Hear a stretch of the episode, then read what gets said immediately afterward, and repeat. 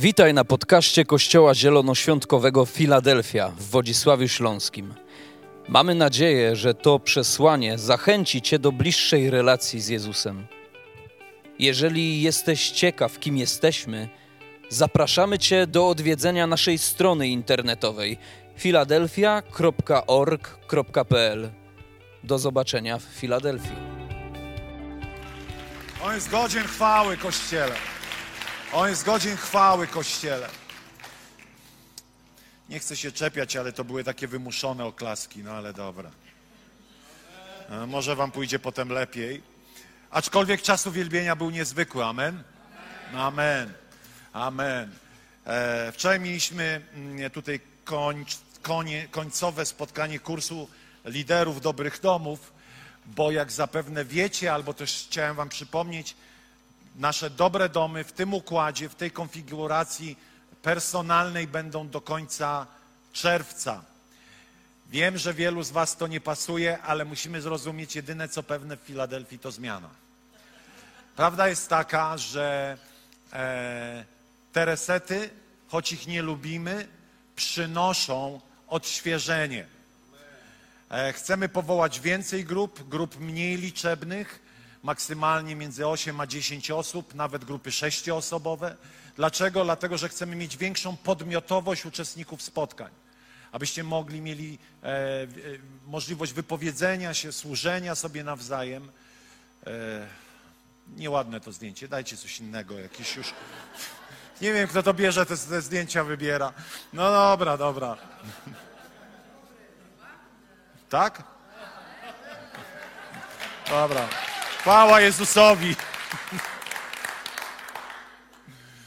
O mój Boże, kochany. Dobrze. No i w każdym razie te resety, wracając do resetów, mieliśmy ten kurs, ponieważ chcemy przygotować więcej liderów e, i chcemy, aby grupy miały stuprocentowy reset, to znaczy, aby nie mogły e, jakieś tam osoby zostawać, za wyjątkiem osób, które nawróciły się w ostatnich kilku miesiącach. Nie chcemy ich, że tak powiem, od piersi matki odrywać. E, To byłoby bardzo nienaturalne, natomiast proszę Was, zaufajcie, to jest dobre. To jest dobre, że możemy raz na dwa lata wymiksować e, składy osobowe naszych dobrych domów, a też mówię, dobre domy są przeciążone, są przeludnione, ponieważ nasze poruszenie, przebudzenie trwa i z tej okazji także witamy tych, którzy od jakiegoś czasu są z nami, są nowymi twarzami od tygodnia, dwóch, pięciu, kilku miesięcy. Przywitajmy ich jeszcze serdecznie tak e, w domu. Kochani, witamy Was nie tylko jakby na tym nabożeństwie kolejnym, ale chcemy Was przywitać w domu, aby to był Wasz duchowy dom. E, może jesteście w jakimś miejscu duchowego transferu, zatrzymaj się z nami. E, e, oczywiście e, zapraszamy wszystkich tych, którzy podzielają wartości Filadelfii, ten styl prowadzenia Kościoła, nasze przekonania e, w takim bardzo szerokim pojęciu. E, natomiast czujcie się jak w domu. E, I wczoraj też z tego tytułu mieliśmy spotkanie z naszą grupą ukraińską w Raciborzu. Larysa miała urodziny, więc tak trochę podstępem mnie zaprosiła, bo ja nie wiedziałem, że, mają, że ona ma urodziny. I tam też się tworzy piękna grupa i, i powiedziałem naszym braciom e, i siostrom, naszym sojusznikom, że niech to będzie ich dom. Niech to nie będzie ich jedynie przystanek, ale niech to będzie ich dom, e, bez względu na to, czy zostaną na zawsze, czy będą chcieli wrócić, czy pojechać gdzieś dalej. Dzisiaj niech będzie to ich dom i my witamy Was w domu. Larysy nie ma jako szefów, ale jest Ania. Aniu, witamy, witamy wszystkich. E, Wiki i tam całą silną grupę naszych, naszych e, braci i sióstr z Ukrainy. Mm, Dobrze, moi drodzy, no cóż, boskie człowieczeństwo, część druga. Dzisiaj będzie o lęku. E, o tym, że jesteśmy powołani trochę tak na wyrost, powiedziałem, od paranoi do zwycięstwa. E, Każdy miał jakąś swoją osobistą paranoję, e, jakąś fobię, mniejszą lub większą. Stworzył sobie jakąś e, e, odrealnioną historię, która macie dopaść, bo lęk, drodzy, to jest obawa przed czymś nierealnym, przed czymś, co za bardzo nie może się wydarzyć. Strach, różnica między strachem a lękiem jest taka, że strach to jest reakcja nasza na bieżące, realne zagrożenie. Nie wiem, idziesz ulicą, ktoś chce cię zabić, przejaskrawiam. Masz strach, czyli albo walczysz, albo uciekasz. Lepiej uciekać. E, ale lęk to jest obawa przed czymś nierealnym, przed czymś wymyślonym. Obawa w stylu zachoruję na raka i umrę. Na pewno zachoruję i umrę. No ale badałeś się, tak? Jesteś zdrowy, jesteś w świetnej kondycji. Albo nie wiem, obawa. No właśnie, o co obawa? O byt. Zabiorą mi pracę, stracę pracę. Obawa, czy Bóg mnie kocha i mnie przyjmuje takim, jakim jestem. Czasami to jest obawa, że będę miał do czynienia z jakimiś złymi ludźmi.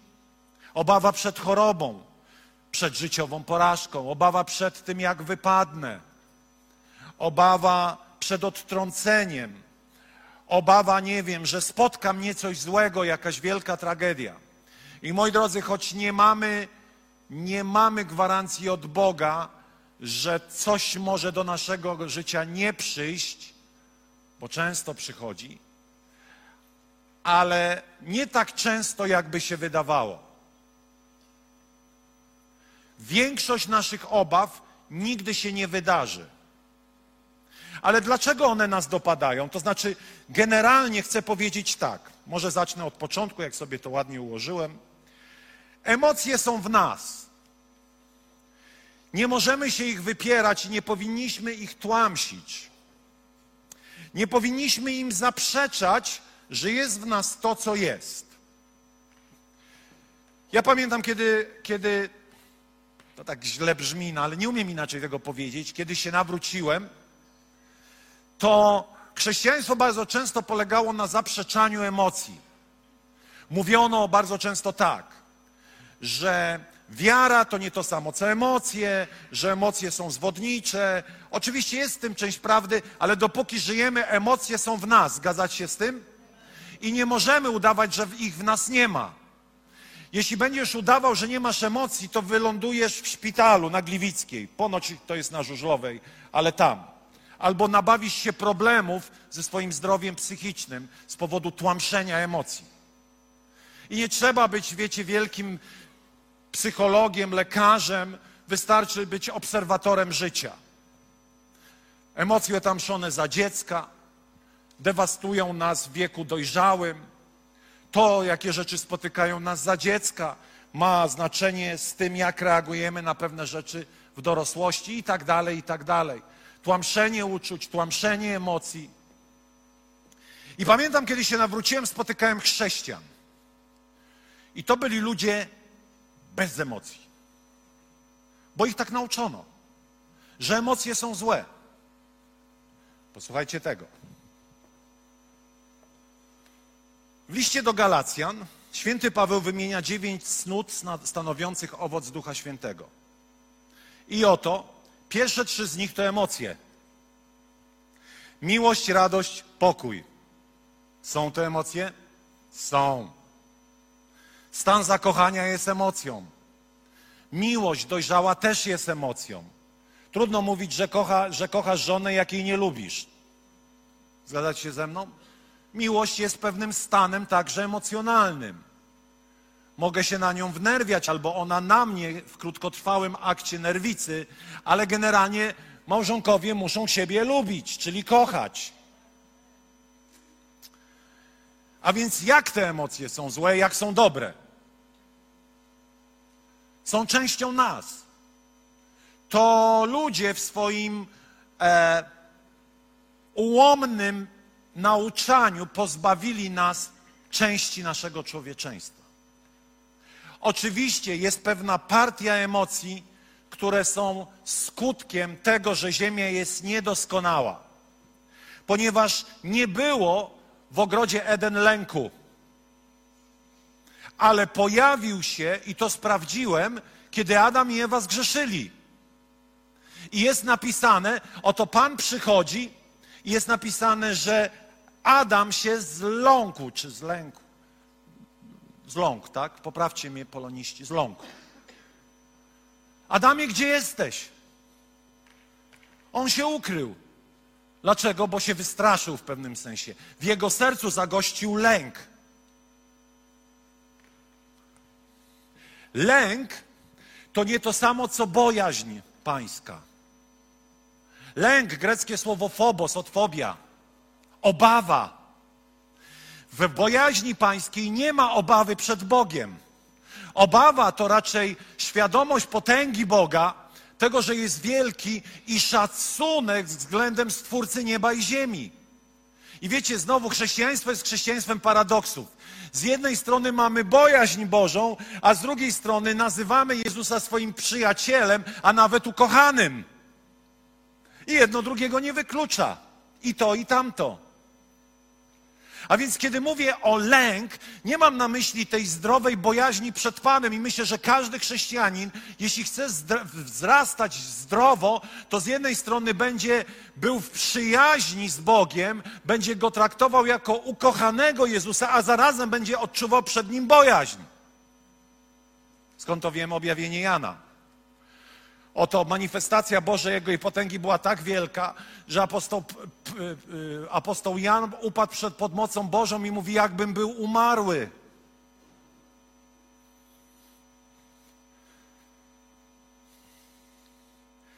I dzisiaj zajmiemy się lękiem, który jednocześnie funkcjonuje z Bożą obecnością w naszym życiu. I zaczniemy od takiego cudownego zawodnika jak Eliasz. Klasyczny przypadek rzeźnika miażdżył system totalnie. Przykład kogoś, kto dokonywał tak spektakularnych manifestacji Boga, a zarazem facet schował się w jaskini. I dzisiaj zajmiemy się tą historią z jaskini. Dlaczego się schował? Bo się Izabel wystraszył, której jakiś czas wcześniej rozpracował i załatwił wszystkich proroków. Dlaczego boskie człowieczeństwo? Bo Eliasz jest napisane w liście Jakuba. Posłuchajcie, to jest genialne zdanie. Modlitwa sprawiedliwego może odnieść wielki skutek. Eliasz był człowiekiem takim jak każdy z nas. Pomyśl o Eliaszu, wielkim proroku Pana. Jakub mówi, że on był jak każdy z nas. Czy pomyśl o swoich wadach, ułomnościach i pomyśl, że Eliasz był podobny do ciebie. Wiecie, to nie są żywoty świętych, w których my idealizujemy. Po prostu pucujemy tych wielkich mężów bożych. Oni właśnie byli boskimi ludźmi. Z jednej strony wnosili Bożą obecność, a z drugiej strony byli tak zwyczajni, że aż boli. Eliasz był człowiekiem takim jak każdy z nas. I teraz zobaczcie, modlił się usilnie, żeby nie padał deszcz i nie było deszczu na ziemi przez trzy lata i sześć miesięcy. Potem znów się modlił, z nieba spadł deszcz, a ziemia wydała swój plon. Moi drodzy, a więc od razu ustalmy pojęcia. Eliasz był taki sam jak ty i ja. Wiem, że w to nie wierzysz, ale to jest Słowo Boże. I teraz już się zaczyna pewien problem, ponieważ my z jednej strony czytamy Biblię, tylko kompletnie nie potrafimy się jej uchwycić jako prawdy, o tym powiem za chwilę. Dlatego, że się ci włącza takie myślenie, być może, e, ciekawe, że taki sam, na pewno był inny. To tak na pociechę nam napisali. Z jakiegoś powodu to jest i z jakiegoś powodu to czytasz. Że zwyczajni ludzie są używani przez Boga do niezwyczajnych rzeczy. I co tam jest napisane? Tam jest napisane, że Eliasz modlił się o deszcz. Ten przeciętniak, ten lęk, zlękniony prorok modlił się o wielkie rzeczy. Większość ludzi Ma, ma kurze modlitwy. Dzisiaj to odkryłem rano. Wiecie, na czym polega kurza modlitwa? Panie, daj mi jutro ziarnko. I pojutrze, żebym miał ziarnko. Być może ty na tej sali jedyną rzeczą, o co się modlisz, to o to, żeby mieć ziarnko. Ponieważ nie wierzysz w to, co jest napisane o Eliaszu, a zarazem, kiedy jest napisane o Eliaszu, to jest napisane o tobie. Bo tam jest napisane o tobie, że Eliasz był taki sam jak ty. Co mi to mówi? Zacznij mieć wielkie modlitwy, facet. Zacznij mieć wielkie marzenia i wielkie życie zgodne z Bożym planem. Panie ziarenko, Panie, abym przetrwał od pierwszego do pierwszego. Panie, aby mi wystarczyło na rachunki.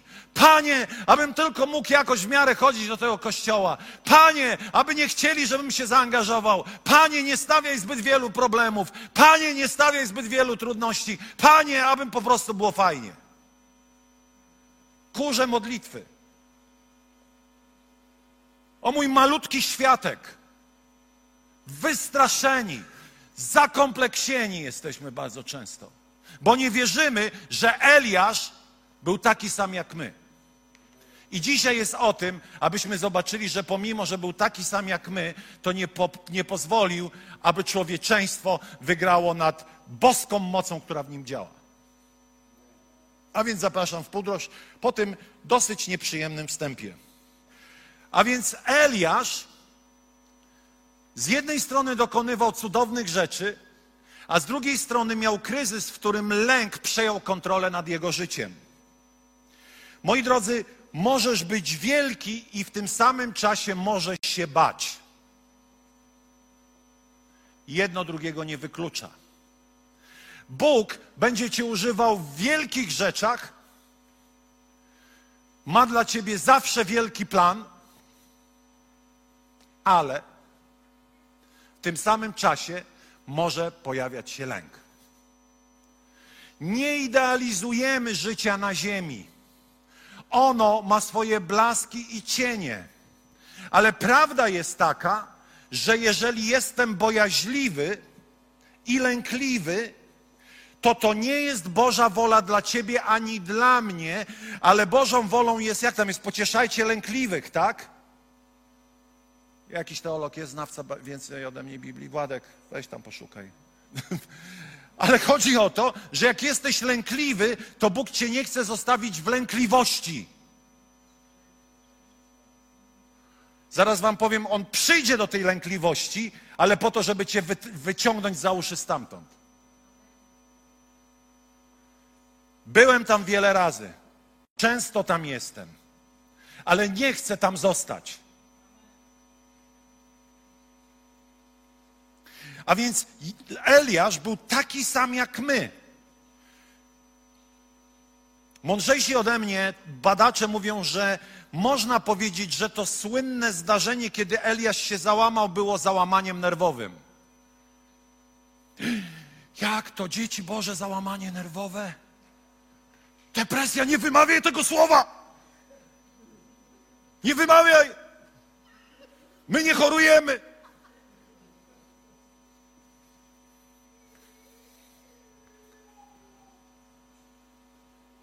To nie znaczy, że mamy się z tym zgodzić. To nie znaczy, że mamy przegrać. Ale nie zaklinajcie rzeczywistości.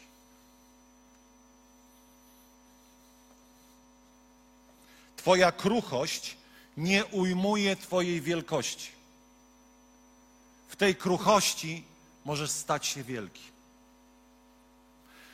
Każdy tego typu zakręt choć nie jest stworzony przez Boga, jest okazją do wywyższenia Ciebie poprzez cudowną ingerencję i zdanie testu w zgodzie z Bożym zamysłem. Czyli postąpienie w zgodzie z zamysłem.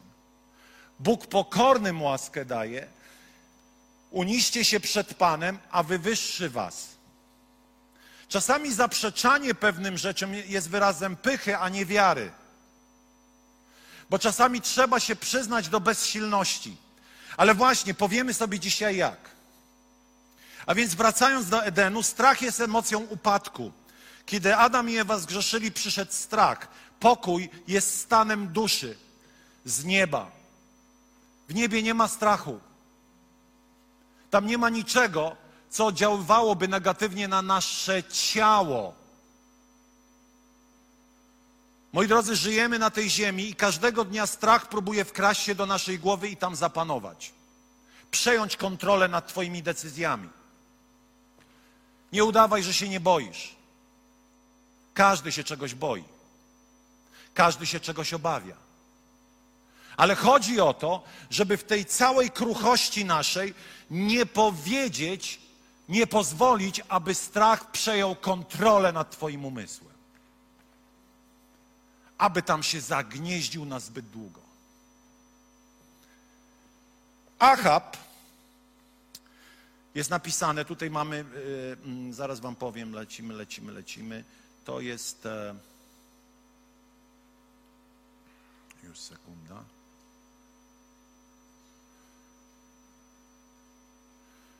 No dobrze, no. Zniknęło, to ja pozwolicie, że przeczytam.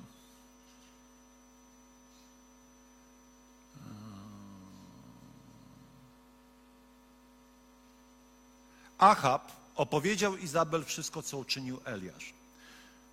Przypomnę, że wcześniej Eliasz rozprawił się z prorokami Baala. Atomówką ich załatwił. Ogień z nieba spłonął, ofiara dla Boga Jahwe została skonsumowana i potem wycięli tych proroków Baala. Achab opowiedział Izabel wszystko, co uczynił Eliasz i jak kazał wybić mieczem wszystkich proroków ba Baala. Wtedy Izabel wyprawiła gońca do Eliasza z takim poselstwem.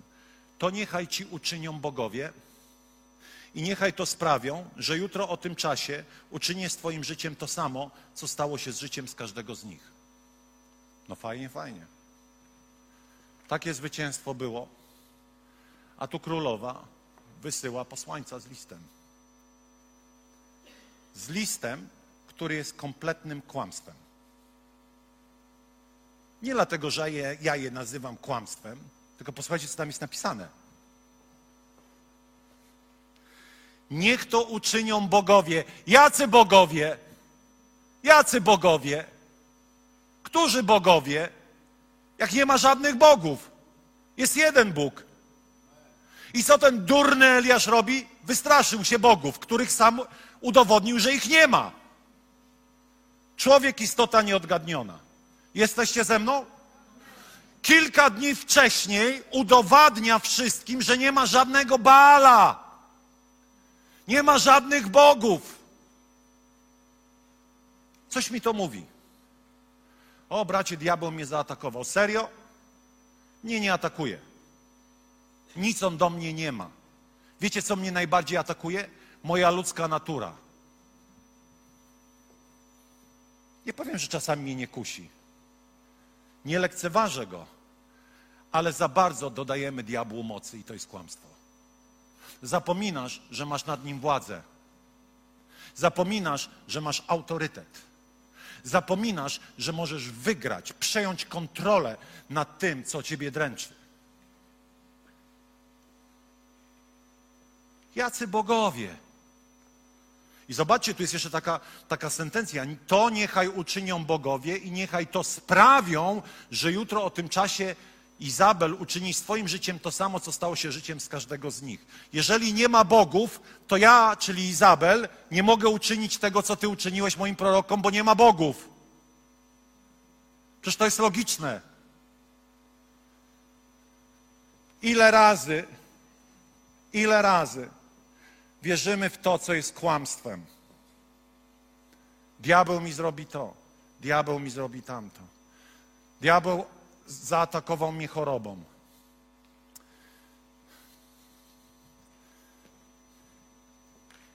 Skoro on zaatakował mnie chorobą, to jaką on musi mieć moc?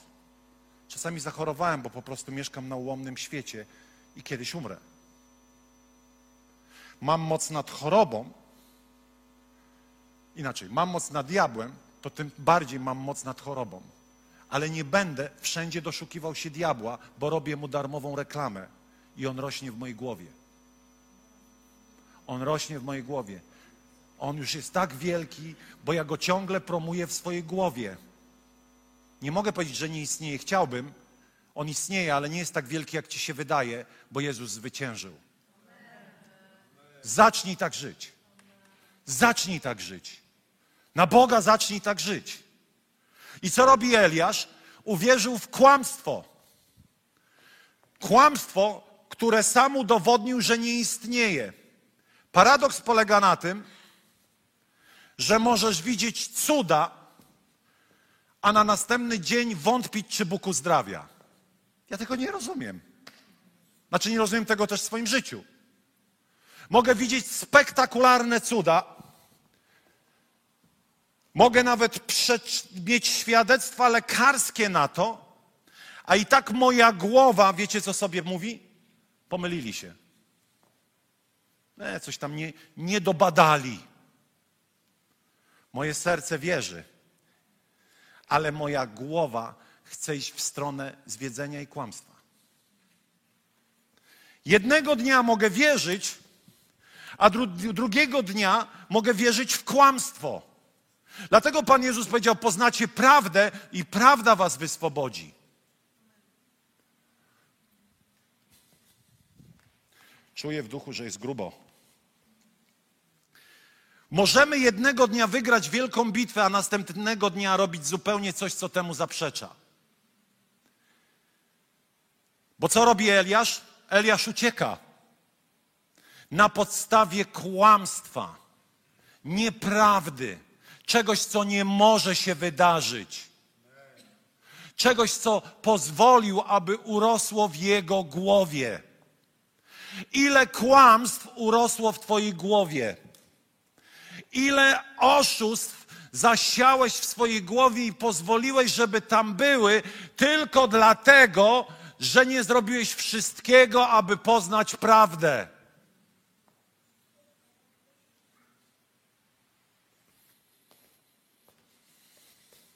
Oto jest napisane, że Eliasz pozostawia swojego sługę i ten, który zwyciężył proroków, to ten sam człowiek, który uwierzył w kłamstwo Izabel, jest napisane, zląkł się więc i ruszył w drogę, aby ocalić swoje życie.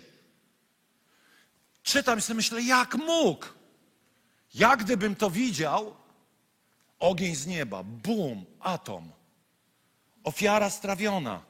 No wyobraźcie sobie to, budujecie ołtarz i mówicie, Bóg, Jachwe jest Bogiem prawdziwym, teraz rypnie atom. Bum!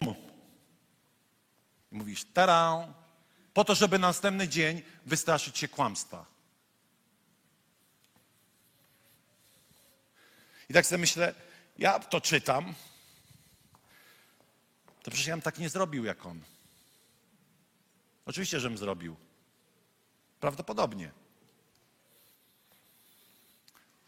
Pamiętacie, kruche naczynie, ono ciągle jest kruche. Ono dopiero w rękach Boga staje się naczyniem do celów zaszczytnych. I ten cudowny Bóg nie pozwala Eliaszowi się załamać zupełnie. Bo o tym jest ta historia. O tym, abyś wyszedł z tego miejsca.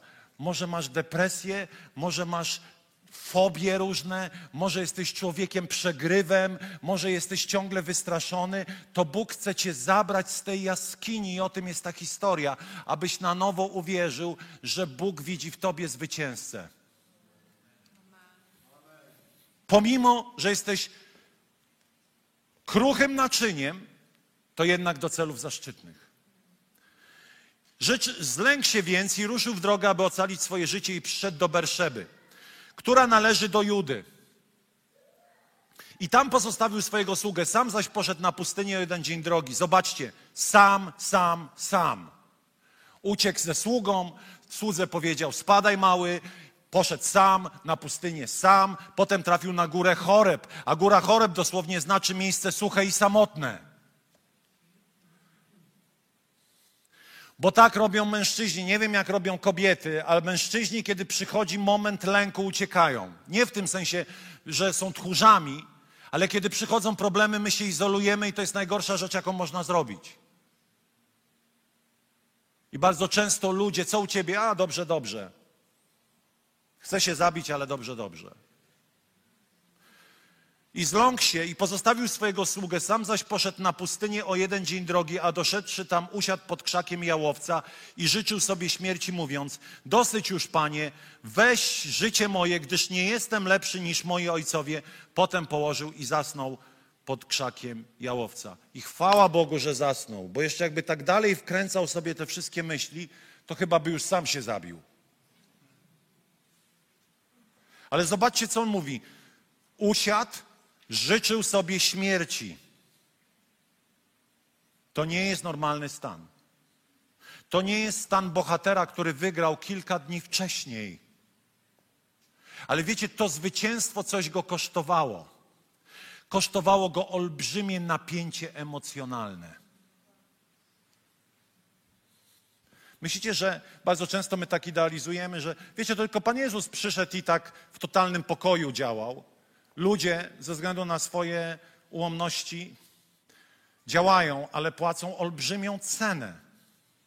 I teraz powiem, jaka jest Boża odpowiedź. Wiecie, jaka jest odpowiedź na takie wielkie bitwy? A to za chwilę wam powiem, bo skrypt mi się zaburzy. Życzył sobie śmierci i co jeszcze? I to jest klasyczna depresja. Jestem do bani. Nic nie potrafię.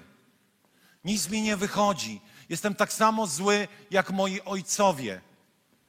Przecież ten człowiek wygrał jedną z największych potyczek Starego Testamentu, a on o sobie myśli, że jest do bani. To nie jest normalny stan. To już jest choroba.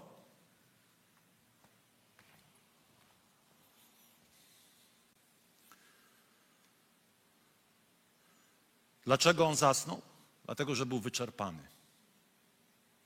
Zapamiętajcie, był wyczerpany. I teraz, lecz oto dotknął go anioł i rzekł do niego, wstań, posil się. A gdy spojrzał, oto przy jego głowie leżał plecak, placek upieczony z ban z wodą. A posil się więc i znowu się położył. Lecz przyszedł po raz drugi, dotknął go i wstań, posil się, gdyż masz daleką drogę przed sobą. Wstał więc, posiliwszy się, szedł w mocy tego posiłku 40 dni i 40 nocy, aż do góry Bożej Choreb. Może tu na chwilę postawimy kropkę albo przecinek. Eliasz uciekł do samotności, ale Bóg do tej samotności przyszedł. Nie jest dobrze być samym, ale pamiętaj, Bóg obiecał ci, że nawet w Twojej samotności cię nie porzuci. Nawet w Twoim przegrywie, który sobie wkręciłeś w głowę, On nie ma ochoty Cię zostawić i On Cię nie zostawi. Natomiast Twoje kłamstwo sprawia, że Go nie dostrzegasz. Ponieważ uwierzyłeś kłamstwu. Uwierzyłeś tym wszystkim złym rzeczom, które Cię zdyskwalifikowały z połączenia z Bogiem. Które z tych, że za, za, zaaplikowałeś do swojego wnętrza kłamstwo, które zapowiada Twój tragiczny koniec. Posłuchajcie tego. Najczęściej Bóg odpowiada inaczej niż oczekujemy, zawsze lepiej, ale nie znaczy, że kiedy inaczej, Bóg zawsze zapowiada chwalebny koniec, choć czasami nam się wydaje, że on chwalebny nie był. No modliliśmy się i zmarł. Zawsze zadam sobie pytanie, jak modlić się, żeby nie zmarł. Ale skoro już Bóg dopuścił, że ktoś odszedł, to on wie lepiej, chociaż zawsze będę modlił się do końca, aby człowiek był uzdrowiony. Ale powiem coś bardzo trudnego. My nie rozumiemy życia po śmierci. Dlatego tak bardzo boimy się, tak bardzo walczymy o to tu i teraz. Moja żona mi często mówi, aż mówię, przestań już, przestań już. A my nie rozumiemy życia po śmierci. Dlatego tak walczymy o to, co teraz.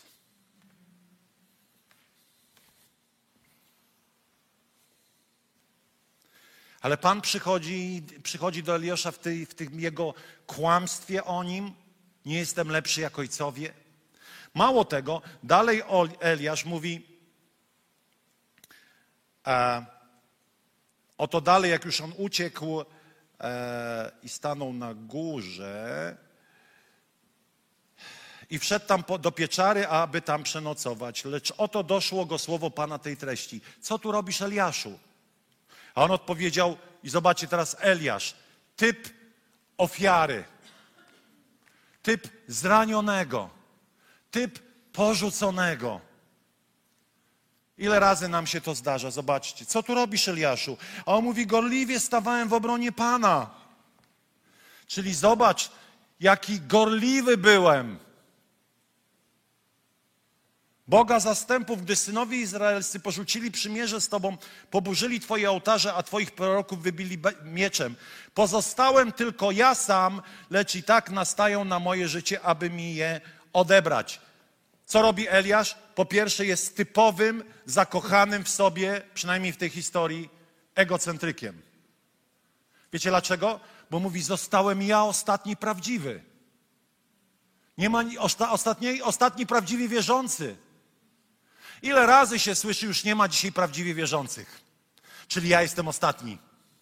Ile razy się słyszy, dzisiaj to ludzie tak gorliwie nie wierzą jak kiedyś. W domyśle, zobacz, ja, go, ja, ja wierzę gorliwiej. Ale w tym głosie często słychać porażkę, przegraną, rozczarowanie.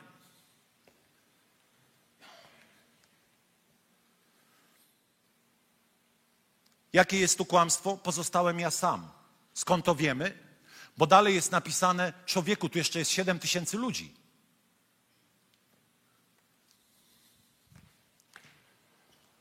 I znowu pyta go, co tu robisz Eliaszu? I wiecie, i tak go pyta, co tu robisz Eliaszu? Potem go znowu zapytał, co tu robisz Eliaszu? I co mówi Eliasz? Oto odpowiedział gorliwie, stawałem w obronie Pana zastępów, gdy synowie izraelscy porzucili przymierze ze z Tobą i tak dalej, i tak dalej a twoich proroków wybili mieczem, pozostałem tylko ja sam, czyli tak nastałem. Dokładnie mówi prawie to samo, co na początku. Więc ja zadaję ci pytanie, co masz w swojej głowie, Eliaszu, dzisiaj? Jaka jest twoja koncepcja życia i Boga, Eliaszu? Mam na myśli ciebie, bo jesteś Eliaszem, powołanym do wielkich rzeczy, chociaż jesteś tak zwyczajny, jak ja i każdy na tej sali. Ale kłamstwo w twojej głowie może cię tak złapać, że utknąłeś w jaskini. A potem poszedłeś na górę, która dalej jest miejscem, w którym jesteś sam. Opuszczony, wyizolowany. Wiecie, najczęściej, kiedy przeciwnik przejmuje kontrolę nad naszymi myślami, bo on bardziej przejmuje nad naszymi myślami niż nad naszym ciałem. Tu jest największa bitwa. Tu. Nie w rękach, nie w sercu, w jego kondycji, w sensie mięśnia, nie w mięśniach nóg. O, diabeł mi naciągnął mięsień. Serio w takie rzeczy wierzycie? Ale tu jest największa bitwa. Ponieważ kiedy przeciwnik zajmie Twoją głowę, macie całego. Macie całego. I co Eliasz? Eliasz jest w kłamstwie. Pomimo, że zna prawdę, jest w kłamstwie. Jestem ostatni, jestem jedyny. Nikt mnie nie kocha, nikt mnie nie lubi, nikt się ze mną nie przywita. Nie ma tu miłości. Ja nie mówię w Filadelfii, bo akurat tutaj e, jest eksplozja miłości, ale czasami w jakichś relacjach, wiecie, dajemy się ponieść kłamstwu.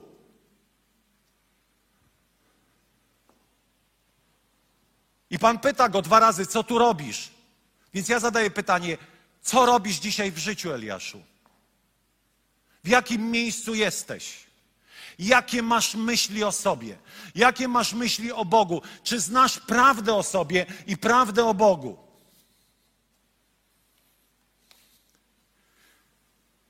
Zachowam w Izraelu jako resztkę siedem tysięcy tych wszystkich, których kolana nie ugięły się przed Baalem i tych wszystkich, których usta go nie całowały.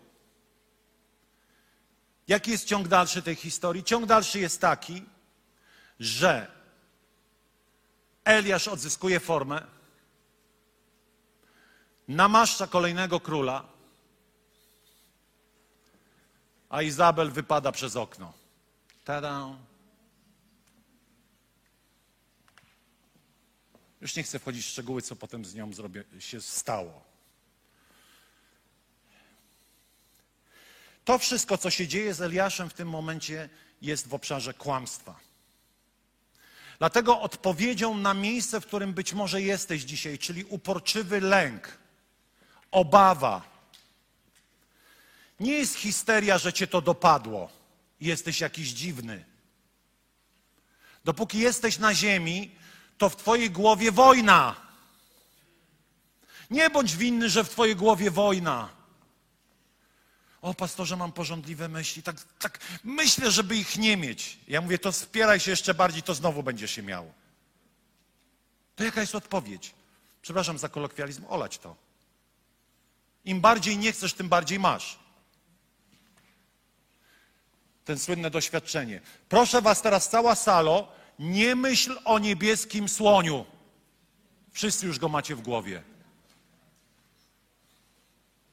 Tak się zapieramy, tak walczymy. Gromimy problem, gromimy diabła. Ej, słuchajcie, czasami trzeba po prostu to zignorować. Zająć się czymś. Małą rzeczą, którą potrafisz dzisiaj zrobić. Pamiętam, kiedy cierpiałem na ten uporczywy lęk, kiedy bałem się z domu wyjść, kiedy depresja niszczyła moje życie, mówiłem sobie, prawda jest inna. Jutro będę zdrowy. Nie byłem. Prawda jest inna, pojutrze będę zdrowy. Nie byłem. Za tydzień będę zdrowy. Nie byłem. Ale dzisiaj mam się nieźle.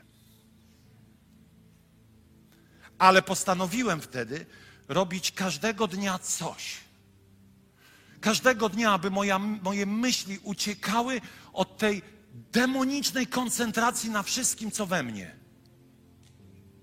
O, tu taka myśl się pojawiła, a tu taka, a tu taka. Panie Boże, że będę zbawiony. Coś się pojawiło, jakieś brzydkie słowo się pojawiło. O Jezu, brzydkie słowo się pojawiło. Już na pewno idę do piekła. Już wszystkim się tu pojawiło. Prowokator.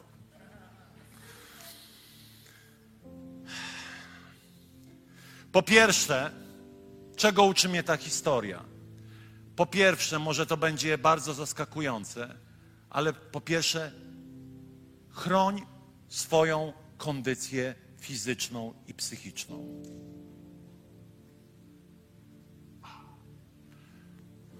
Elias zasnął, bo musiał odpocząć. Potem Pan przychodzi i mówi: Nic nie jadłeś. Posil się. Zjedz coś. Wiem, że oczekiwaliście naprawdę objawioną. Ale list Jakuba mówi, każdy dba o ciało swoje i pielęgnuje je. Zadam Ci pytanie, co robisz, aby dbać o swoje ciało, które jest darem? Jest darem, jest potencjałem.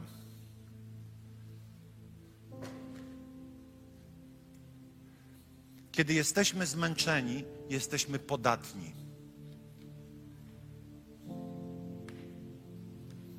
Po drugie, zadaj sobie trud poznania prawdy. Nie z Facebooka, nie z TVN24, nie z TVP Info, ale ze Słowa Bożego. Człowieku, jak nie czytasz tygodniami, to jaką ty prawdę znasz? Bracie, tak diabeł mnie kusi, żeby nie czytać słowa. Nie wiem, czy diabeł, ale na pewno lenistwo.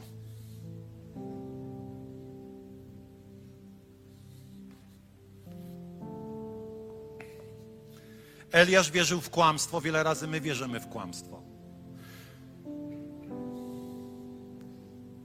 Kiedy wierzymy w kłamstwo, jest mi smutno i wtedy strasznie źle się widzi. Zgadzać się z tym? Kiedy wierzę w kłamstwo, to nie widzę dobrze. Eliasz nie widział dobrze, jestem ostatni. A Pan mówi, nie jesteś ostatni trąb, bo jest 7 tysięcy ludzi to trochę więcej niż parę procent więcej. Jestem beznadziejny jak moi ojcowie. Co musi być w głowie człowieka, który spalił ołtarz w imieniu Pana, wyciął tych wszystkich bałwochwalców i mówi: Jestem beznadziejny. Skąd to się tam wzięło? Bitwa go wyczerpała dopuścił do siebie złe informacje w stanie zmęczenia. Dopuścił do siebie kłamstwo, bo nawet nie złe informacje. Kiedy źle się widzi, wtedy jest smutno i straszno i koło się zapętla. Jest mi smutno, źle widzę. Kiedy źle widzę, to jeszcze bardziej mi jest smutno. Nie zaprzeczamy faktom, ale prawda o tych faktach jest inna bardzo często niż to, co my myślimy.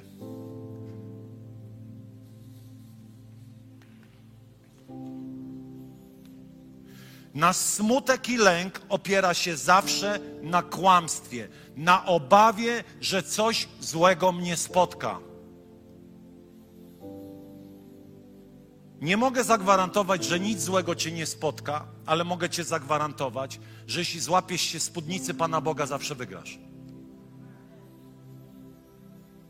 Lęk rodzi się z tego, że uwierzyliśmy w kłamstwo o Bogu, o sytuacji, o tragicznym końcu. Nie zaprzeczamy uczuciom, ale one nie zawsze mówią o nas prawdę. Jak wygrać z lękiem? Na punkt numer trzy. Miłość zawsze zwycięża. Powiem coś bardzo osobistego w kontekście całego Kościoła. Niektórych z nas już tutaj nie ma. Niektórzy z nich odeszli bardzo młodo.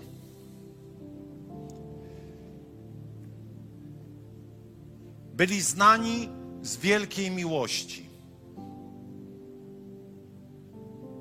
Kiedy odchodzili, nie było w nich lęku. Kiedy chorowali, może gdzieś w środku tak, ale oni byli przyjawem dostojeństwa i piękna Bożego. Wiecie o kim mówię? Bo miłość jest napisane usuwa lęk. Miłość usuwa strach. Kochaj jak się da, a będziesz mało się bał.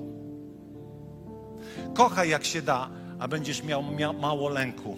W miłości nie ma lęku, doskonała miłość go usuwa, lęk bowiem łączy się z karą.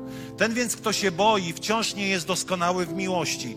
Nasza miłość bierze się stąd i zobaczcie, to jest prawda, że On pierwszy nas nią obdarzył. Żeby kochać, muszę uwierzyć, że On mnie ukochał na zabój. Dziękuję za dwa amen. Amen. Zacznij przyjmować, że jesteś ukochany i zaczniesz wtedy kochać. A jak zaczniesz kochać, to będziesz coraz mniej się obawiał, ponieważ wiesz, jaki jesteś ukochany.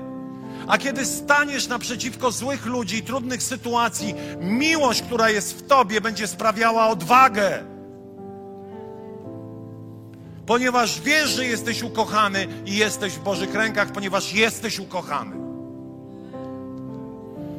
Kto twierdzi, że kocha Boga, jednocześnie nienawidzi brata swego, kłamie. Bo kto nie kocha brata, którego nie widzi, nie może kochać Boga, którego nigdy nie zobaczył. Ale wracając do tej pierwszej części, w miłości nie ma lęku.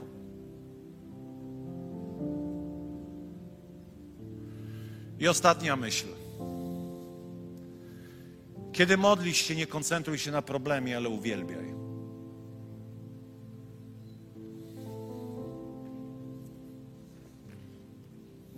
Wiecie, dlaczego uwielbienie jest odpowiedzią na lęk? Bo w uwielbieniu nie da się powiedzieć o tym, czego się boimy, tylko koncentrujemy się na wielkości Boga. Bo to jest uwielbienie. Nie możesz śpiewać strachu, jesteś taki straszny. Boję się Ciebie. Czasami nasze modlitwy są właśnie kurzymi modlitwami, których celebrujemy, skupiamy się na problemie ciągle. Przynieś Bogu sprawę i zacznij Go uwielbiać. Nie gderaj 45 minut, jak modlisz się o to ziarko na jutro. Panie, żeby tylko jutro starczyło 10 zł na chleb. 20 zł na chleb. Panie, żebym przetrwał. Przynieś swoją sprawę. Chociaż właściwie Biblia mówi, że nie ma co się modlić o chleb, bo Bóg wie, czego nam potrzeba. Po prostu Go uwielbiaj, że już to masz. To jest wiara. To jest prawda. To jest prawda. Te małe modlitwy zamiast uwielbienia. bo uwielbienie to jest śpiewanie, to jest opiewanie wielkości Boga i Jego wszechmocy, Jego piękna, Jego wyjątkowości. Tam nie ma miejscu, tam nie ma miejsca na uwielbianie problemów ani potrzeb. Szukajcie najpierw królestwa, a wszystko inne będzie wam przydane. Gdyby Kościół o wiele bardziej rozumiał potęgę uwielbienia, mniej miałby mysich, kocich i jakich tam yy, kurzych modlitw. O, troszkę. O, nie wiem, co jutro będzie. Bądź tym, który uwielbia. Nie pozwól, aby lęk zaćmił ci prawdę o tym, jak jest. A więc zamiast koncentrować się w modlitwie na problemie, uwielbiaj. Uwielbiaj. Kiedy modlisz się o chorych, módl się krótko. Nie módl się długo, wierząc, że coś wymusisz. Kiedy modlisz się o jakąś codzienność, módl się krótko, a potem uwielbiaj długo. Ha, tu was mam. Albo nie wstawajmy. Jeżeli wpadłeś do jaskini, jak Eliasz, jeszcze raz powiem, może było tak trochę surowo chwilami to brzmiało, ale chcę powiedzieć, ponieważ jest czas, aby powiedzieć powstań. Powstań. Nie zostawaj. Co tu robisz, Eliaszu, w tej jaskini? Być może lęk, obawa o coś nierealnego przejął kontrolę nad Twoim życiem. Ucierpiała na tym prawda Boga, ucierpiało na tym Twoje życie, ucierpiał na tym dobrostan Twojego życia. I dzisiaj jesteś gotowy zerwać te łańcuchy, to proszę Cię wstań. Na znak, że nie poddajesz się temu, co jest w Twojej głowie, temu lękowi. Jesteś gotowy to zrobić? Czy nikt nie ma lęków? Bo ja mam. Ja wstaję. Czy Ty wstaniesz ze mną? Czy Ty wstaniesz ze mną? I wytoczysz bitwę poprzez prawdę, poprzez szacunek do swojego ciała także. To jest ważny moment. Zapamiętaj go, że tego dnia powiedziałeś: Odrzucam kłamstwo i zrywam kontrolę lęku nade mną. Będę wielbił Boga, zamiast koncentrować się na tym, co może mnie teoretycznie spotkać. Bóg tu jest. Zamknij swoje oczy i teraz powiedz: Przyjmuję prawdę, powiedz to w swoim środku. Przyjmuję prawdę o tym, kim jesteś, kim ja jestem dla Ciebie. Przyjmuję prawdę o tym, że Ty zawsze zwyciężasz. Przyjmuję prawdę o tym, że może muszę zwolnić i zadbać o swoje ciało i swoją kondycję umysłową. Przyjmuję prawdę, że muszę przestać Ci gadać o tym problemie, a zacząć Cię wielbić, ponieważ jesteś moją odpowiedzią. Nie chcę zostać w tej jaskini na dłużej niż jest to konieczne. I niech ten akt powstania, Kościele, będzie proroczym wyjściem z jaskini. Proroczym zerwaniem z lękiem, który Cię kontroluje. Będziesz uczył się go przełamywać i zwyciężać. Nie ma gwarancji, że on się nie pojawi, ale nauczysz się go przełamywać. Ojcze, my teraz przychodzimy do Ciebie takimi, jakimi jesteśmy.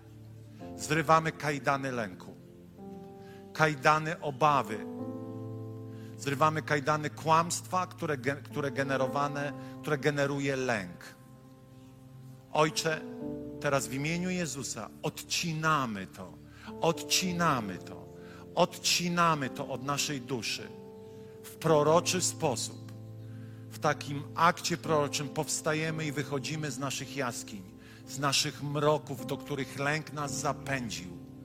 I stajemy face to face, twarzą w twarz wobec kłamstw i lęków i mówimy zwyciężymy. A cały Kościół niech odda Bogu chwałę i powie Amen. Amen. Niech Bóg was błogosławi. Amen. Chwała Jezusowi. Chwała Jezusowi. Chwała Jezusowi. Chwała Najwyższemu. Halleluja.